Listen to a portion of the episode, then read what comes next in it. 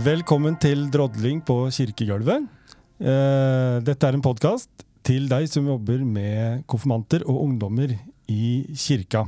Og vi snakker om ting som vi eh, jobber med, og eh, på en faglig måte. Og så prøver vi å dra det ned på gulvet, slik at det er nyttig til de som er ute i felten og jobber.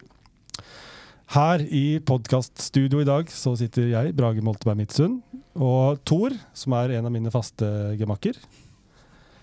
Ja, skal jeg si noe sjøl? Ja, si noe sjøl. Tor, pleier å si Tor Olav Gauksås. Eh, jobber som kateket i, i Bærum. Og nå går jeg på praktikum på MF i, i tillegg, så blir, blir nok prest en dag.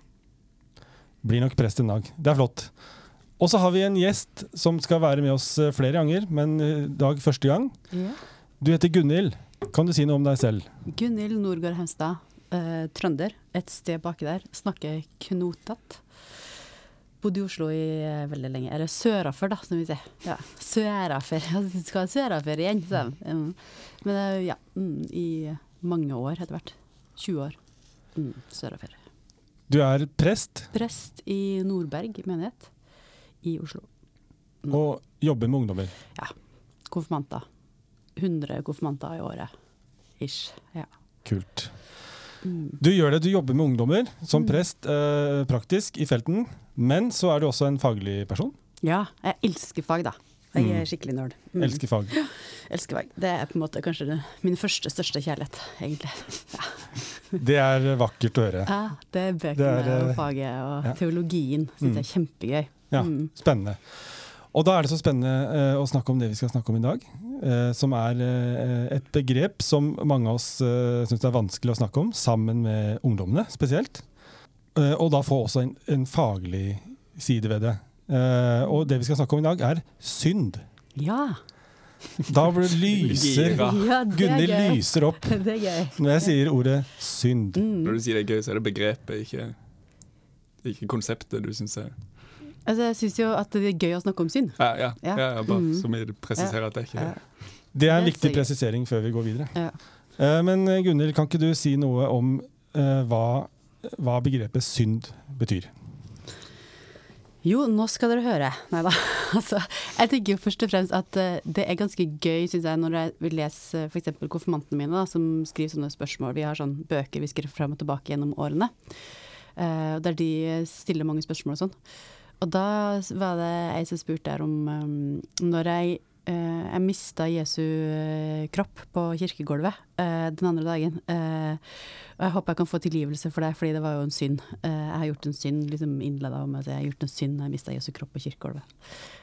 Så det er jo på en måte en måte å forstå synd på, tenker jeg, som sånne helt praktiske ting. Og, og så er det det som vi teolog, teologer og liksom det vi leser om i bøkene, da, som er den store adskillelsen mellom Gud og mennesker. Eh, det som er at eh, mennesket krøker seg inn i seg selv, som Engedal eh, snakker om, eller, eller at vi tror at vi er Gud, da, på en eller annen måte. At vi kan klare oss helt selv og ikke trenger Gud i verden og eksistensen, på en måte.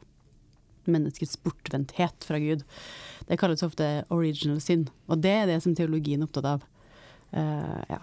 Eh, så synd har egentlig liksom i utgangspunktet to veldig forskjellige valører for meg. Det ene er liksom det her eh, eksistensielle original sin, kalles det ofte, da. Denne store synden. Eh, å være atskilt fra Gud.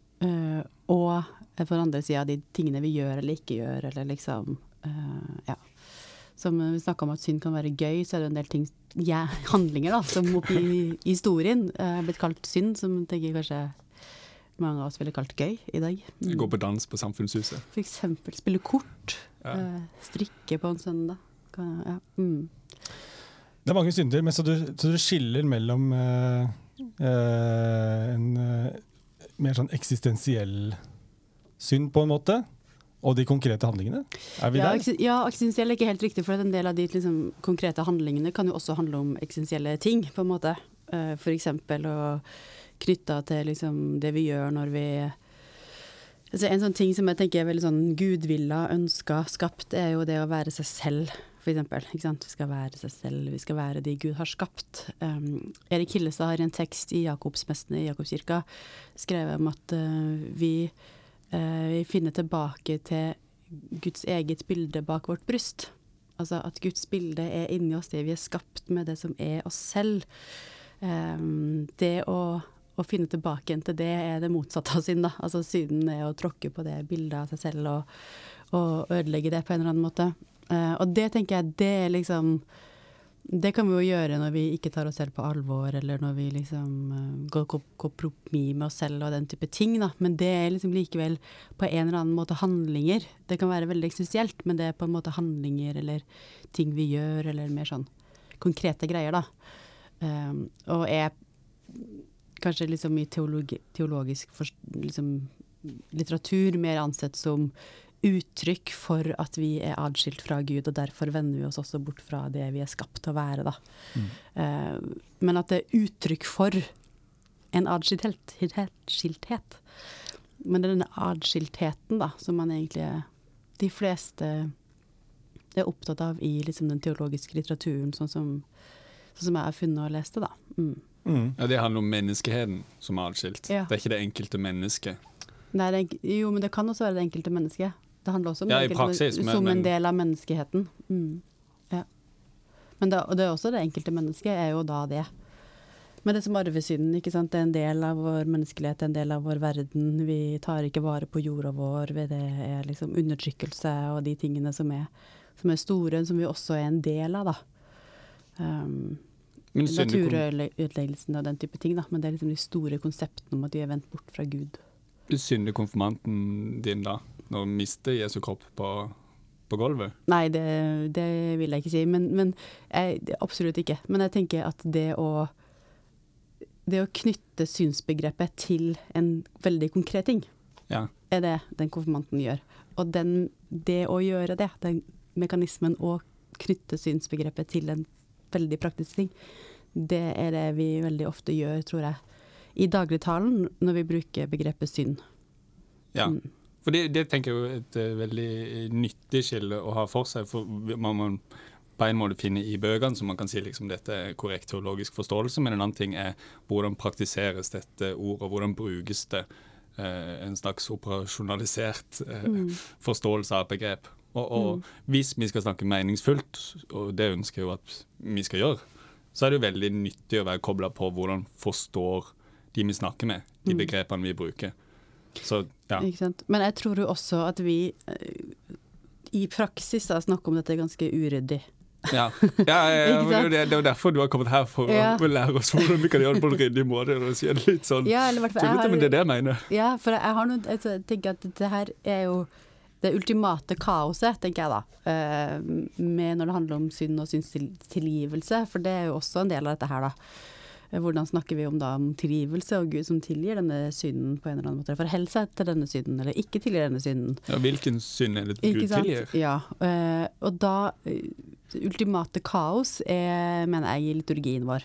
Ja, spennende, det må du fortelle om. Ja, halvparten er dritsur, og halvparten bare halleluja. jeg elsker liturgi, da. Jeg syns det er kjempegøy. Jeg synes jo det er noe liksom, Nå elsker jeg både teologi og liturgi, men, altså, men jeg tenker at det som jeg syns er gøy, er jo liksom hvordan um, hvordan liturgien også bærer en teologi, og hvordan det også knytter det til veldig sånn konkrete ting. da.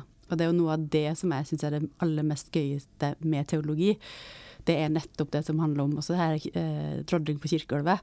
Det handler om hvordan liksom, de store tankene og konseptene om Gud uttrykkes og leves i praksiser og liksom mm. er helt konkrete, da. Og liksom den jobben, det syns jeg er så gøy. Um, og det, ja. Det er ganske mye fag som bare sånn For de som har lyst til det, så er det ganske mye fag på dette for tida. Uh, lived, uh, lived religion, everyday religion, uh, lived theology, de tingene der. For den som har lyst, så går det mm. an å søke opp på det. Uh, men um, poenget mitt uh, nå var egentlig den der liturgien. Uh, fordi at sant, når vi skal døpe barn, det gjør vi i begynnelsen av gudstjenesten, ikke sant. Um, da sier vi at i dåpen får du Guds tilgivelse. OK? og så er det en del konfirmant, nei, um, dåpsforeldre som er sånn her Hæ, ja, men barnet mitt er det liksom syndig? Sier du at liksom sånn what? Eh, og, så, og, så, sier man jo, men det er fordi at alle, alle vi som du var inne på, Tor Olav, at liksom det er på en måte den store menneskeheten, og vi er en del av det store bruddet med Gud, liksom. Mm. Eh, og så I og med Jesu død og oppstandelse, så tilegner så, altså, Brage, vi snakka om det så vidt i stad. 80-tallet. I laget. Ja. Mm. Det var laget, var det ikke? Jeg var i laget på Ja, 80-tallet. Ikke sant? Jeg var vel laget på 90-tallet, da. Ja. ja men jeg er litt, jeg er litt 90-tallet for min del òg. Bare er der. Ja. Ja. Det er noen måneder som skiller oss i alder. Men Mm. um, da, da tegna jeg en sånn uh, stor kløft, ikke sant. Den Ja. tegna hendene, med hendene i lufta. Men mm. noen, av, uh, noen vil se det for seg. Den store kløften, Gud, mennesker, Jesu kors i midten, liksom.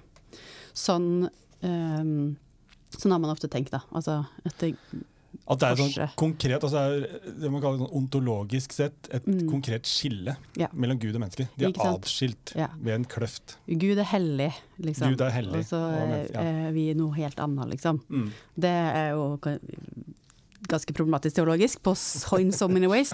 Kløften, og så Jesus, kors, Jesus til korsprinsen, som er som en bro. Ja, Ikke sant? en bro. Mm. Så skaper liksom sammenheng. Mm. Poenget er jo at det, det uttrykker på en eller annen måte at Jesu døde oppstandelse gjør en forskjell for forholdet mellom Gud og mennesker. Eh, Det kan vi si. Hvis Mm. vi sier det, da. eh, At det ikke Ja. skaper bro, og at Gud er hellig og ikke menneske og sånn.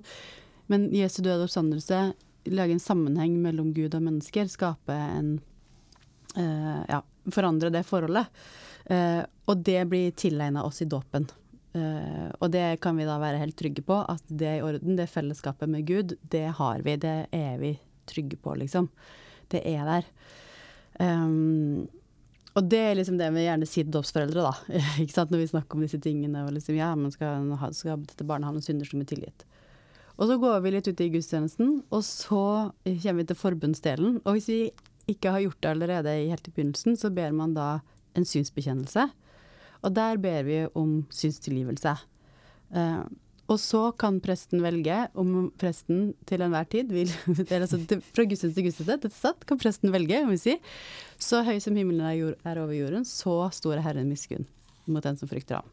Eh, og det er sånn her Guds, nå, Guds eh, tilgivelse eller nåde, eller hva man skal si da, er liksom så utrolig stor, og bare Det går helt bra. Men den kommer vel alltid med en betingelse? Det kommer jeg Nei. si det, gjør den ikke det? Nei, det gjør ikke det.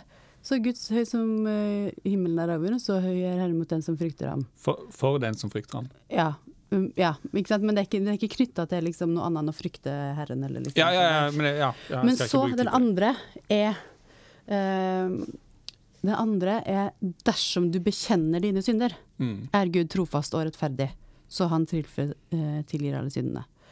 Så Gud er trofast og rettferdig, så han tilgir hvis du bekjenner syndene. Og da knyttes den betingelsen ikke til, liksom, til Guds frykt, men det knyttes rett og slett til at du bekjenner syndene dine. Og det, da er Guds tilgivelse eh, veldig betinga av at du bekjenner noen synder. Mm. Eh, og så har det vært utrolig mange sånne runder i liturgiske nemnder og liturgiske greier om hva er det egentlig vi skal be om tilgivelse for. Og man har vært veldig opptatt av at vi skal be om de store tingene, liksom. Ikke de konkrete greiene. Vi skal be om de store tingene, for det er jo det det handler om. Um, men uh, i motsetning til det vi gjør i dåpen, da, så er jo den kan den plutselig være betinga, den tilgivelsen. Ikke sant? Men i dåpen så sier vi at ja, men nå er du et lite barn, liksom. Denne adskillelsen, den store adskillelsen, og det får du uansett, liksom. Men det er det plutselig ikke der, da, hvis, i hvert fall hvis vi velger det ene tilsigelsesordet. Og så kommer vi til Fader vår litt etterpå, for, den skal vi, for da skal vi feire nattverd, så skal vi be Fader vår. Og da sier vi eh, tilgi oss mine eh, Hvor er det? Men da sier det skyld, i, i Ja. den nye oversettelsen i hvert fall. Ja, skyld, slik også vi tilgir våre skyldnere. Mm. Men det er jo en bønn om tilgivelse på en eller annen ja, måte. Og i. Matteusevangeliet så står det også 'den som ikke tilgir andre, blir heller ikke selv tilgitt'. Mm. Så der er det enda mer liksom Ja, hvis du må skikkelig liksom jobbe for det for å få tilgivelsen der. Og så kommer vi til nattverden, og da sier vi nå har du fått Jesu legeme og blod til som tilgivelse for dine synder. Så tenker jeg bare eh, um, Når var det egentlig jeg fikk syndene mine tilgitt? Eller liksom, var det den der store kløfta? Når kom den broa mellom? Når fikk jeg fellesskapet? Var det liksom i dåpen? Eller var det når jeg husk, fordi jeg husk, det jeg huska å be om tilgivelse for, eller, eller den, kan, kan jeg hvile i formuleringen 'det jeg ikke' En sånn synsbekjennelseformulering jeg tilgir meg det jeg har gjort, og det jeg ikke har liksom, ja, gjort. På en eller annen måte, og det jeg liksom ikke kjemper at jeg har gjort. Liksom noen har putt inn, da, ikke sant. For å sikre deg det da jeg får tilgivelse. Eller er det i Fader vår, liksom, fordi jeg har liksom Men er den egentlig trygg der? Og så er det liksom Eller fordi jeg tok imot nattverden. Eller når fikk jeg det? Og den nattverden, er det fordi syndene jeg gjorde mellom, mellom Fader vår og nattverden? Eh, og Fader vår, er det mellom Altså, hvilke synder eller var, eller er det atskillelsen? Eller når kan jeg egentlig være trygg på hva som er hva? Mm. Og det her mener jeg er et innmari kaos av synd og synsforståelse og, tilgi- eh, for, og ulike måter å egentlig snakke om tilgivelse på, som er kaotisk, og som skaper veldig mye potensielt da, uro i det som kommer til gudstjeneste. Ja, og det tror jeg de har gjort. Ja. Nå vet jeg om konfirmantene er de som først og fremst kjenner på det i gudstjenesten, men, men historisk tenker jeg det er ikke noe tvil om at dette har gjeldt mange. Jeg husker da jeg var liten, og det handler jo mye med min oppvekst òg, men, men jeg prøvde å be om tilgivelse for det jeg hadde gjort, og så skjønte jeg jo at jeg har ikke oversikt, jeg må legge til. Eh, Ja, og det jeg ikke vet om at jeg gjorde galt. Men det, det var sånn jeg forsto det. Og nå har jeg, jeg har sikkert litt firkanta hue. Men, men jeg- ja, er akkurat sånn som du beskriver det, har jeg tenkt på det som Ja. da jeg var liten. Men det tror jeg er veldig vanlig. Det jeg tror I dag så er det nok eh, de, mm, mange ungdommer som ikke forstår det sånn. Eh, I dag så tror jeg veldig mange forstår det som at eh, det handler om de konkrete tingene. Kristin Gaff Kalvåg og Tone Stangeland Kaufmann har en artikkel som er i den Kirke og kultur, som kommer nå helt i begynnelsen av eh, 2022, som eh, er veldig eh, som, som ser på hvordan ungdommer forstår synd nå, da. Og det er veldig interessant, for det handler om De setter ikke i sammenheng med de store strukturene i verden, men det handler om um, ting de selv gjør, og måten å liksom være seg selv på på en eller annen måte. Um, og det som er vanskelig med det, det som er vanskelig med å være tro mot seg selv og Men det er liksom handlinger og ting de gjør selv som er på en måte det viktige, da. Mm.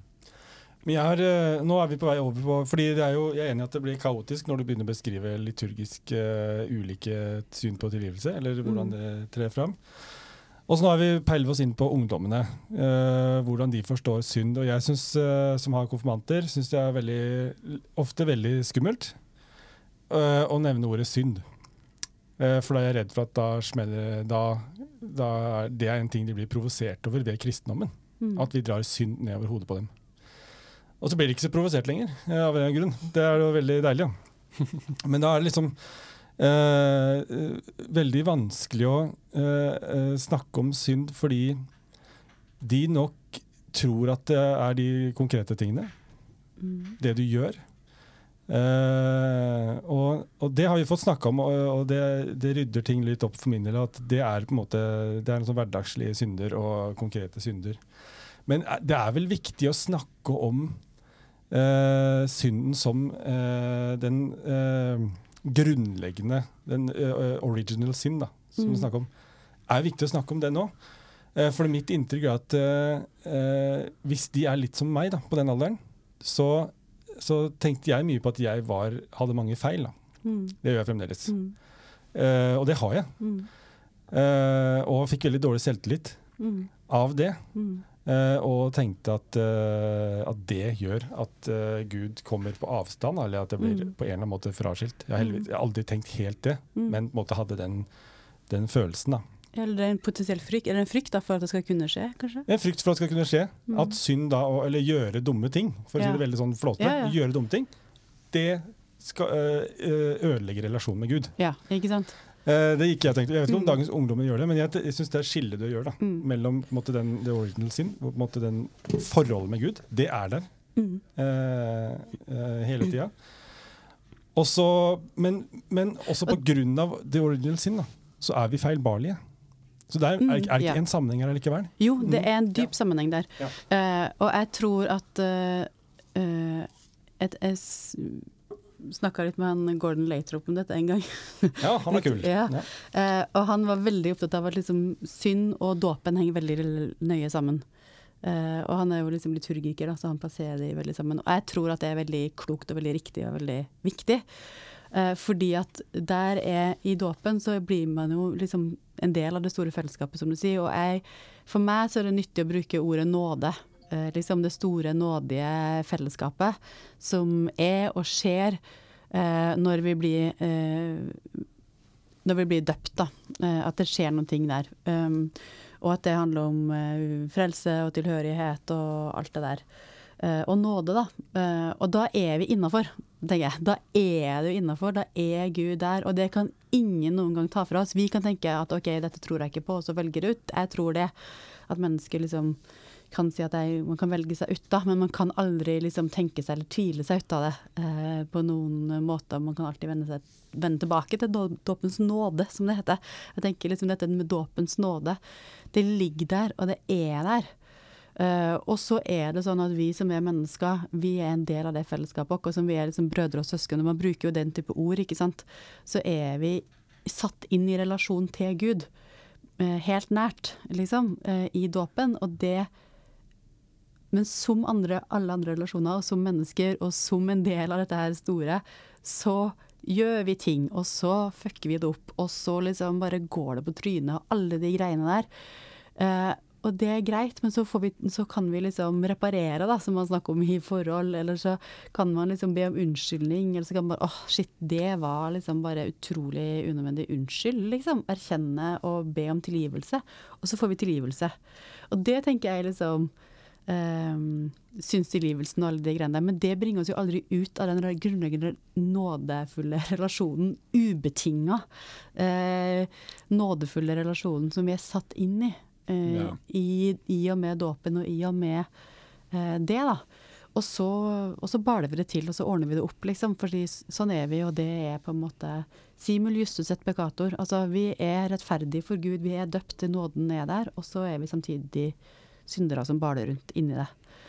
Men det er krevende, syns jeg, når vi bruker synsordet, som du Tor Olav var inne på, brukes som om begge deler så veldig, og når tilgivelsesordet bruker begge deler ja, så ja, veldig. For hva er det du blir tilgitt fra? For Hvis man snakker om original sin, mm. så er det store problemet adskillelsen fra Gud. Mm. Men som du sier, dåpen så er det problemet løst for mm. alltid, uansett hva du gjør. Mm. Og når du blir tilgitt etterpå, da, mm. hvis i mm. synstilgivelsen, så er det aldri det som var problemet. Nei. Eh, da snakker du mer om reparasjon, hvis jeg ja, forstår ja. det riktig. Det er ikke og, adskiltheten fra Gud. Og, og, der er det jo sånn, mm. Hvis man skal gå enda mer på hvordan kan man gjøre dette i praksis mm. Eh, vi snakker om ganske to ulike forståelser av synd og tilgivelse her, men mm. bruker det samme begrepet. Mm. Og alle vi er ganske inni dette her og knoter livet litt med å på en måte si det på en måte som er lett å forstå. Mm. Og hvor vanskelig er det ikke da for noen som er mindre interessert enn oss i å forstå disse distinksjonene? Men det er egentlig hvis vi har det klart for oss. Ja. Og jeg tenker ja, ja, at vi må, altså jeg tenker Når vi snakker med konfirmanter da, og sier at liksom, Gud er der, du, sånn er det, liksom.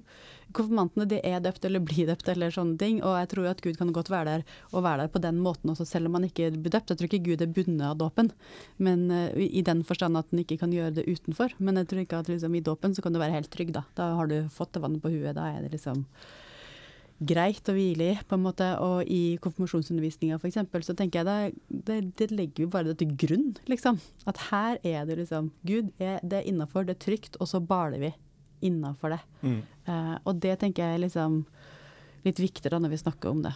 Nåden er der hele veien, og så går vi på trynet. Og dette er jo også viktig, fordi det handler om hvordan man forstår uh, frelsen, og det handler om hvordan man forstår dommen. Mm. Uh, og det tenker jeg er veldig viktig også, fordi alle disse tingene vi baler med, det vil vi jo bli stilt rette for i dommen. Og der kan det være Dersom vi tilgir våre syndere, er Gud trofast og rettferdig. ikke sant? Mm. Det gir god mening for meg, da. Uh, og det må du stå til ansvar for i en dom, men det handler ikke om at du da plutselig er utenfor frelsen. Dette med å stå til ansvar, dette, dette rydder opp veldig mye for min del, da, det vi snakker om nå. Hvis vi drar inn en bibelfortelling om uh, han sønnen som kom hjem, mm. uh, som er et godt bilde, syns jeg, på, på relasjonen til Gud. Mm. Uh, det er en sønn som spør pent om kan jeg få min del av arven. faren er god, veldig god og sier ja. Og så får han, selger han sin del av skjøtet, eller hva det er, og så drar han, sløser bort, driter seg ut og er en synder. Mm. Og så handler fortellingen om at han kommer hjem og forventer at uh, ikke så mye, egentlig, men faren står der med åpne armer. Uh, og mm. uh, et bilde på Gud, mm. Guds nåde, som tar han imot. veldig ekstremt kort fortalt. Mm. Men så står det en bror der. Mm. kanskje flere brødre. Og er ganske irritert mm. på at Hæ, blir han bare tilgitt? Mm. Får han bare komme hjem og så få ring på fingeren, mm. og må han ha fest, og gjøkalven blir slakta. Eh, skal han liksom ikke stå til ansvar for det han har gjort? Mm. Er det et poeng her? Eh, forsvinner det, mister vi sånn der, eh, ansvarsfølelsen her? Når vi Ja. på en måte Ja, kan ja, bli- ja. Mm. Ja, jeg tror jo at på en måte når vi har Jeg tror at det finnes to grøfter. Det ene er liksom det som du, Tor André Nei, Tor André? Hvor kom det fra? liksom? Tor André Holten, hei hei, god kollega i Grefsen der. Eh, men som du tror snakker om, liksom at, at det kan bli sånn at du blir så at, Dere begge to har snakka om det, at det her synsgreiene kan gjøre at man blir så redd liksom, for å falle utafor på en eller annen måte. Men jeg tror også at denne her eh, store nådige Mine konfirmanter sier han faren er jo så dumsnill, liksom. Hva slags utrolig liksom, Mm. dust er han faren? ikke sant? Og det er så gøy, fordi når du liksom er vant, vokst opp med det, eller vant til kirka, så tenker du ja, han faren er så fantastisk bilde på Gud, liksom. Bare, og så sier konfirmanter ja, dust, liksom. Men bare han har jo vært ryggraden hans. Og jeg tenker at det er også et gudsbilde, da, som faktisk er litt viktig uh, for oss. fordi hvis vi bare liksom snakker om at ja, alt er greit, alt er innafor, alt er liksom OK, så er på en måte um, Hvis disse her handlingene eller de tingene vi gjør blir helt borte, så tenker jeg at det er en reell fare. da, At vi forkynner og formidler et gudsbilde som ikke uh, som bare blir vassent. Mm. Uh, men hvis vi kan forkynne en relasjon til Gud som er trygg, og som er der, og som er som han faren som står der, han er der, og han tar imot når noen innser at de har drete seg ut. Men, men det er ikke liksom sånn at uh, hvis, du ikke, hvis du ikke tar ansvar, så, så, tar du, så har du likevel såra. Så har du likevel gjort noe galt. Og der trenger vi dommen, da. Dommens dag. Mm. Eh, Det betyr ikke at du ikke liksom har del i frelsen, men du må også ta ansvar for det på en eller annen måte. Mm. Og det tror jeg er kjempeviktig. Um, og jeg tenker jo også at det er ganske befriende for ganske mange unger, uh, ungdommer. Akkurat den, den artikkelen til Kristin Graff Kalvåg og Tone Sagner Kaufmann, den sier jo noe om det. At ungdommer synes det er så godt, fordi at i kirka så kan de både være seg selv, men de kan også si sant. Og de, kan bruke, de bruker bønnekrukkene og, og har praksiser der de kan liksom få si noe sant om åh, vet du hva, jeg dreit meg ut skikkelig. Dette bare Mm. gikk på trynet. Mm. Så sier de noe om det, og så har de et sted å gå med det. Og at det er viktig for det, da. Mm. Uh, jeg tror på det òg, at vi gir praksiser som vi legger til rette for å kunne stå til ansvar i livet sitt. Mm. Og at vi som kirke har det. Uten at det truer frelsa. Mm. Uten at det truer det, liksom. Ja. Men at det faktisk handler om Jeg husker ikke helt hvilke praksiser de har, men det er sikkert noe sånn ta en stein og legge det fra Ja, seg med korset, eller Mm. skrive det på en lapp og brenne det. Jeg tipper det Mm. litt i den grada. Og det sier ungdommene eh, som de har møtt, at dette er meningsfullt for dem, fordi dette er ting de strever med. Og det må jeg si, sånn, i, som er, i egen praksis har jeg vært mye mer på å si alle mennesker er skapt, ønska og elska. Uansett, og det er ingenting dere kan gjøre fra eller til for å Mm. endre på det.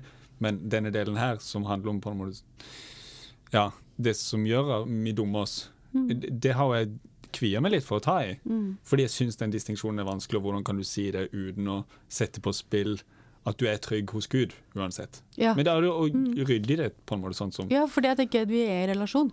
Og sånn er det, og det, det, truer, det truer ikke i det hele tatt, liksom. Men det er bare fordi vi er det, vi veit at sånn er det. Og som du Brage sa noe om, vi kan bare se oss omkring.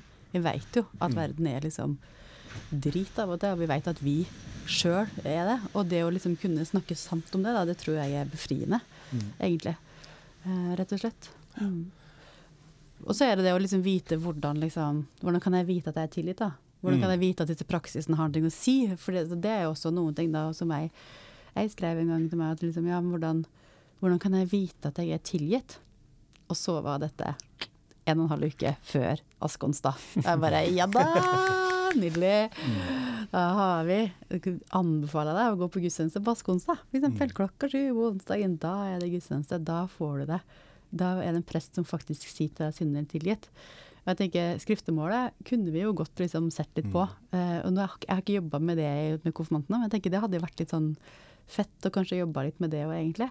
Um, og den konfirmanten uh, troppa opp da, med venninner på vår liksom, Askonsdag, og fikk uh, syndenes tilgivelse sagt tilsagt eh, Mm. til seg selv, og var, skrev og var takknemlig etterpå, liksom.